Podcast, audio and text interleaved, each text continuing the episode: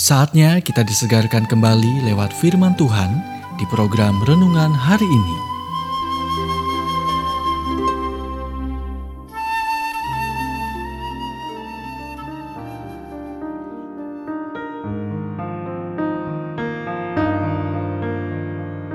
Renungan hari ini berjudul Melatih Pemimpin yang Bisa Melatih Orang Lain, bagian kedua.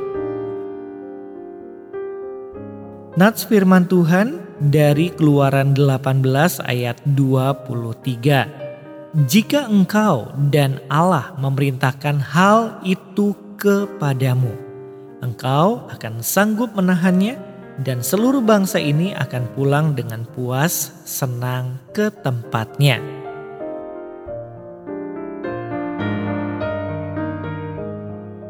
Dalam keluaran kita membaca Keesokan harinya duduklah Musa mengadili di antara bangsa itu di depan Musa dari pagi sampai petang. Ketika mertua Musa melihat segala yang dilakukannya, berkatalah ia, "Tidak baik, engkau akan menjadi sangat lelah, sebab pekerjaan ini terlalu berat bagimu." Kau carilah dari seluruh bangsa itu orang-orang yang cakap dan takut akan Allah. Mereka harus mengadili, meringankan pekerjaanmu dengan engkau turut menanggungnya. Jika engkau berbuat demikian dan Allah memerintahkan hal itu kepadamu, maka engkau akan sanggup menahannya. Keluaran 18 ayat 13 sampai dengan 23. Ketika Jenny Catron menjadi direktur eksekutif sebuah gereja yang tumbuh dengan cepat, dia berkata, "Berdasarkan kinerja menyenangkan orang, saya mengerti perasaan Musa. Pertumbuhan kampus yang cepat dan berlipat ganda membuat saya mencoba untuk memimpin dan mengatur segalanya. Proses ini saya menjadi lelah, frustasi, tidak sehat untuk tim kami." Dan gereja.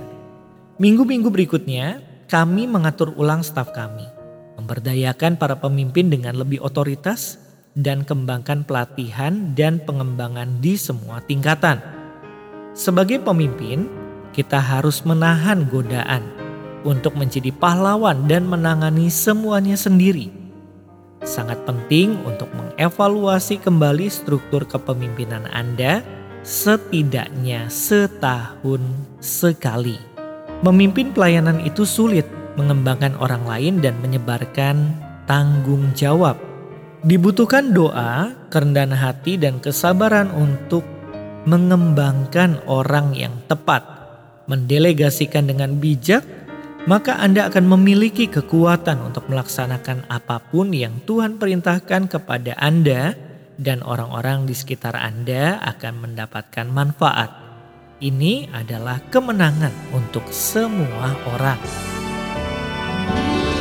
Anda baru saja mendengarkan renungan hari ini.